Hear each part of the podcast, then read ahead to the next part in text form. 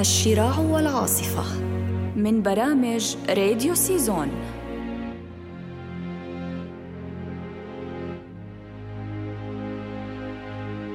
الأوديسا هوميروس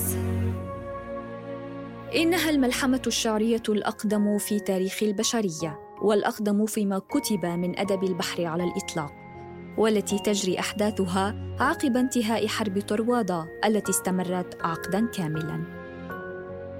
ينتقل أوديسيوس من جزيرة لأخرى ويتوه في البحر ويمر بالكثير من المغامرات ويتعرض للمخاطر والمصاعب بسبب غضب وعداء بوسيدون إله البحر. تحكي الملحمة أيضاً عن بنلوبي زوجة أوديسيوس حزنها لغيابه وانتظارها له لمدة عشرين عاماً ومعاناتها وابنها من إقامة العديد من النبلاء في قصرها لإجبارها على قبول زواج واحد منهم وفي النهاية وبمساعدة مينيرفا آلهة الحكمة يعود أوديسيوس إلى مملكته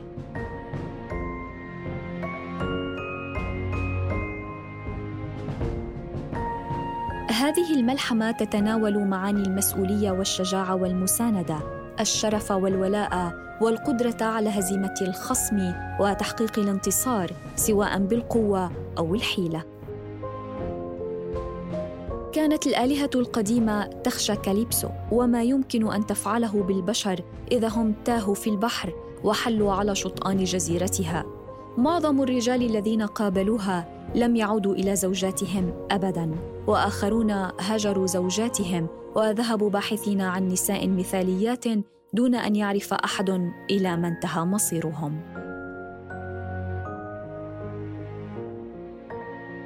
يذكر هوميروس أن كاليبسو كانت حورية خالدة وبارعة الجمال وكانت تشتهي أن يكون أوديسيوس من نصيبها ولا بد وأن مرآها كان يروق لرجل في أواسط العمر. هي لم تتلاعب بأعصابه مثل ما فعلت الساحرة سيرسي قبل ذلك بعام. كما أنها لم تكبر ثم تتغير ثم تنضج كما حدث للأميرة الشابة نوسيكا. ولم تحاول أن تسيطر عليه كما كانت تفعل زوجته بينيلوب.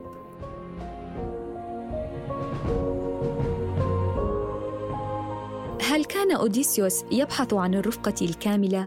هل يبحث رجل حكيم عن امرأة مثالية؟ وإذا فعل هل يكون ذلك امرا حكيما؟ وهل الأغبياء فقط هم من يؤمنون بفكرة الرفيق المثالي؟ مضت سبع سنوات على وجود أوديسيوس في جزيرة كاليبسو. وفي أحد الأيام توسلت الآلهة أثينا حامية أوديسيوس إلى زيوس وغيره من الآلهة أن يبادروا إلى أنقاذ أوديسيوس من براثن كاليبسو. في عالم الإغريق القديم مثل هذه القرارات كان يلزمها الإجماع.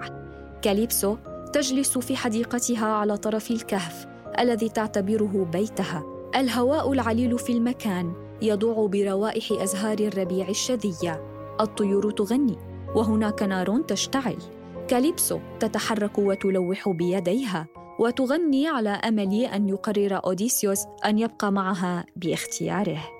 إنها تنسج خيوط أحلامها بالحياة العائلية والرضا والاستقرار ورفض الصراعات والتوقف عن ملاحقة الرجال بل إنها تعده بالشباب الأبدي. والخلود مثلها تماما إن هو قرر البقاء غير أنه يجد كل هذه الوعود خانقة ولا تناسب الرجال يتجول بعيدا بين الأشجار إلى أن يصل إلى المقعد الحجري في أعلى الجرف مستطلعا الأفق العاري للبحر. أدرك أوديسيوس أنه يجب أن يرحل. هذه مجرد مرحلة في عملية التطور الطبيعي. من الميلاد إلى الموت حيث نصبح جميعا لوحدنا ويتعين عندها أن يختار كل مصيره بنفسه. يختار هو أن يغادر أخيرا. هذا هو السبب في أن الآلهة تساعده وفي أن كاليبسو أذعنت لمشيئته في النهاية. ورغم أنها الهه إلا أنها فعلت ذلك وهي تحس بغضب عميق. لكنها تفهمت رغبته في أن يكبر. وأن يجرب الصراع وألم الفراق مرة أخرى وأن يخرج من حياة الركود إلى أمواج المحيط المظلم التي ستأخذه مجددا إلى وطنه.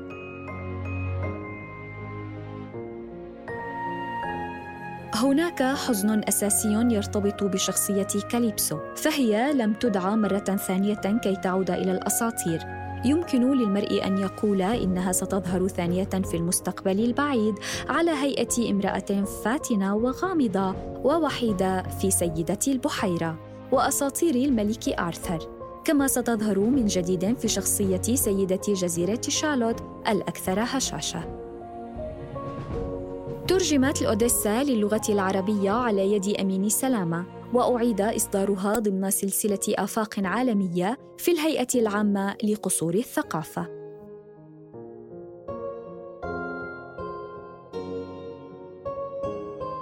ونقتبس من هذه الرواية. أوديسيوس يتشاجر مع شحاذ. وبينما كان أوديسيوس جالسا يزدرد طعامه إذا شحاذ ضخم الجسم شائه المنظر يدخل فجأة. فيلتفت إليه جمهور العشاق ويعرفون فيه الفقير إيروس المشهور بنهمه الذي لا يوصف وبإقباله الشديد على أردأ أنواع الشراب. وكانت له عليهم دالة وليس في الجزيرة كلها من يجهله. فلما لمح أوديسيوس جالسا يتبلغ بلقماته نظر إليه نظرات المحنق وقال له انحرف عن الباب أيها العجوز القذر وإلا جررتك من عقبيك ولو أنني أترفع عن مقاومة أمثالك. وحدجه أوديسيوس وقال أيها الصديق إني ما آذيتك وإن في المكان متسعا لكلينا. أرجو ألا تثيرني أكثر مما فعلت وإلا فلا يغرنك هرمي وتقدم سني. فوالله لأرينك كيف أضربك ضربا تقول منه الهامه اسقوني اجنح للسلم هو خير لك. واصغي إلى نصحي وإلا فلن تدخل قصر الملك أوديسيوس بعد اليوم.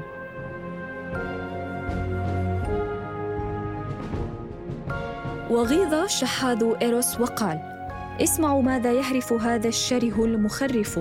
الما أشبهه بزوجة حمقاء تثرثر أمام كانون؟ والله لا يخيل إلي أن أنقض عليه فأنفض ثناياه. هلم أيها الرجل استعد للقاء وليشهد السادة كيف أمثل بك. وقهقه أنطونيوس وقال أيها الأصدقاء اشهدوا أن إيروس يتحدى هذا الفقير والفقير بدوره يتحداه فهلما نجعل حولهما حلقة لنرى إلى هذا العراك المضحك. وسكت أنطونيوس وتكبكب الأمراء حول الرجلين ضاحكين عابثين ثم التفت إليهما أنطونيوس وقال اسمعا إذن ها هنا كعكات ليس أجود منها وإنها خالصة لمن يتفوق منكما على خصمه.